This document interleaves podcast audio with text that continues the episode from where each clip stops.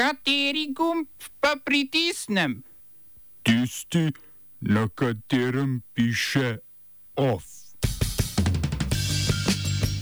Po napovedanem umiku Moktade al-Sadra iz iraške politike njegovi podporniki vdrli v parlament, izbruhnili oboroženi spopadi med rivalskimi šiitskimi milicami. Salomonovi otoki začasno prepovedali vstop ameriškim vojaškim plovilom v svoje teritorijalne vode. Joao Laurencio ponovno slavil na predsedniških volitvah v Angoli. Marta Kos odstopa od kandidature za predsednico republike.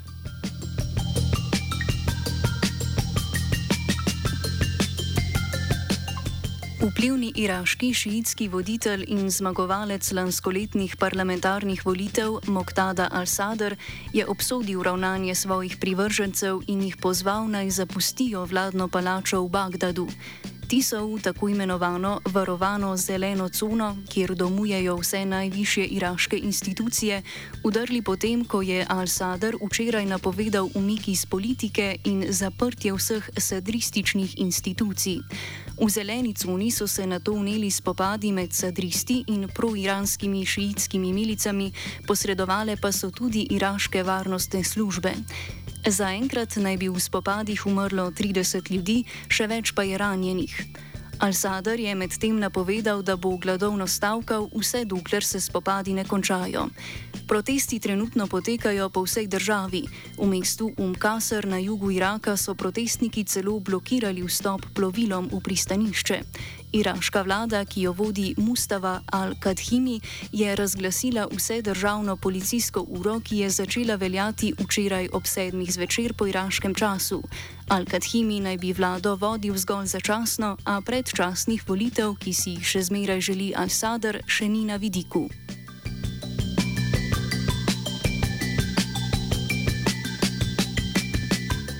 Predsednik Angole Joao Laurencio je včeraj po skoraj enotedenskem štetju glasov dobil še svoj drugi predsedniški mandat. Na volitvah je njegova stranka, Ljudsko gibanje za osvoboditev Angole, krajše MPLA, dobila 51 odstotkov glasov, kar je 10 odstotkov manj kot na prejšnjih predsedniških volitvah in sploh najmanj od osamosvojitve države leta 1975. Glavna opozicijska stranka, Nacionalna zveza za popolno neodvisnost Angole, krajše UNITA, je prejela 43 odstotkov glasov, kar je dobrih 16 odstotkov več kot pred petimi leti. Stranka MPLA, ki se je proti portugalskim kolonizatorjem borila pod imenom Marksistično-osvoboditveno gibanje, je na oblasti že vse od osamosvojitve. Iz opozicijskega tabora, tako kot v preteklosti, ponavljajo številne obtožbe, da so volitve nelegitimne, saj si je stranka podredila večino državnih institucij in medije. Angola je, kljub temu, da je druga največja proizvajalka nafte v Afriki, ena najrevnejših držav na celini. Pod pragom revščine namreč živi večina 33 milijonov prebivalcev.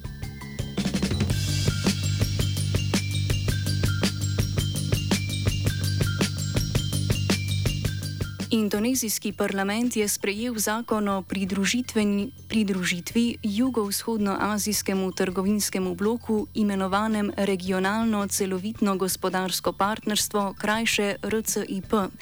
Indonezija je tako postala zadnja država v jugovzhodni Aziji, ki se je pridružila temu največjemu trgovinskemu bloku, ki pokriva 30 odstotkov bruto svetovnega proizvoda. Indonezijski trgovinski minister Zulkifi Hasan je dejal, da bo vstop v RCIP državi prinesel povečanje trgovanja in neposredne investicije ter zvišal bruto domači proizvod. Poleg tega je indonezijski parlament potrdil tudi bilateralni trgovinski sporazum z Južno Korejo, ki naj bi privabil investicije za električna vozila in baterijsko industrijo.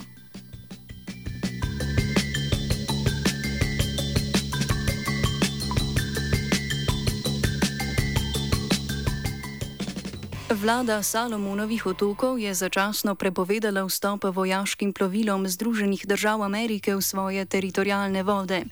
Odločitev je sprejela potem, ko plovilo ameriške obalne straže Oliver Henry prejšnji teden ni moglo opraviti rutinskega postanka v enem od Salomonovo-otoških pristanišč. Premijer Mansane Sogavare je dejal, da od svojih partnerjev zahtevajo čas za pregled in uvedbo procesov regulacije, preden razglasijo nove zahteve za vstop vojaških plovil v državo. Odnosi med Salomonovi otoki in ZDA so se poslabšali že leta 2019, ko je pacifiška država prekinila svoje diplomatske odnose s Tajvanom. Dodatno pa so se odnosi med državama zaostrili aprila letos, ko je salomonska vlada podpisala varnostni sporazum s Kitajsko, kar po stališču Washingtona seveda ogroža varnost v regiji.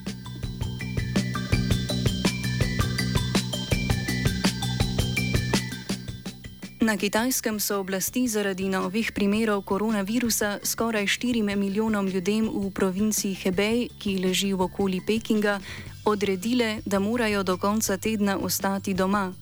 V 13-milijonskem Tinjanu je za vse prebivalce obvezno testiranje, v Shenzhenu pa so zaprli največje svetovno tržnico elektronike Huashangbei. Kitajska z ukrepi ustraja pri politiki Zero COVID.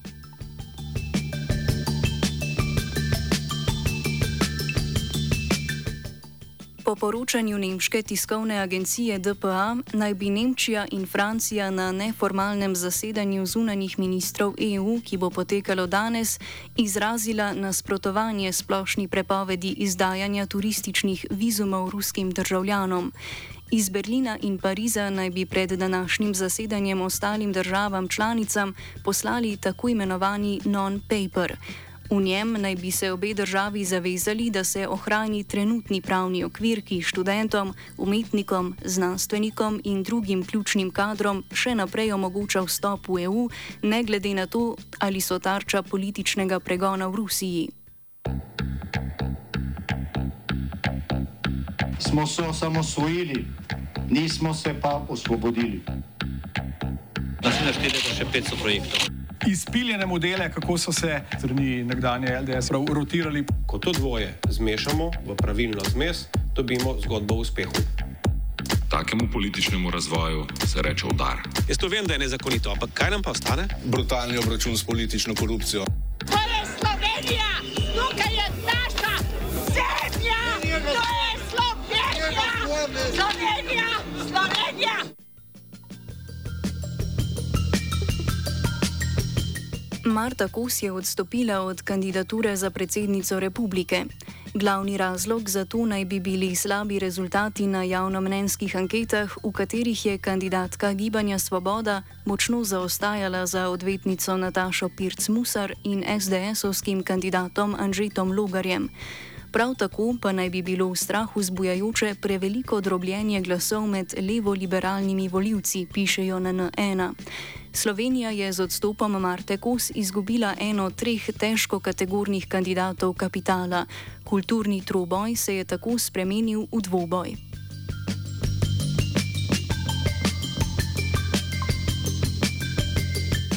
Predsednik Konfederacije sindikatov javnega sektorja Branimir Štrukal je pozval državni zbor naj preuči možnost za razrešitev članov programskega sveta RTV.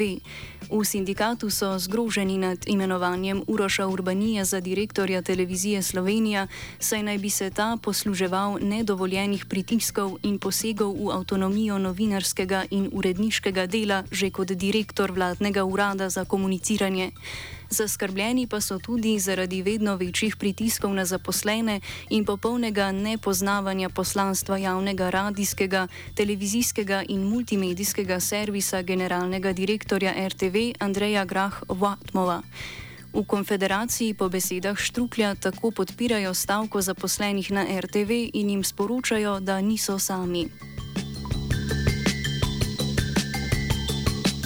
Off je spisal Finn.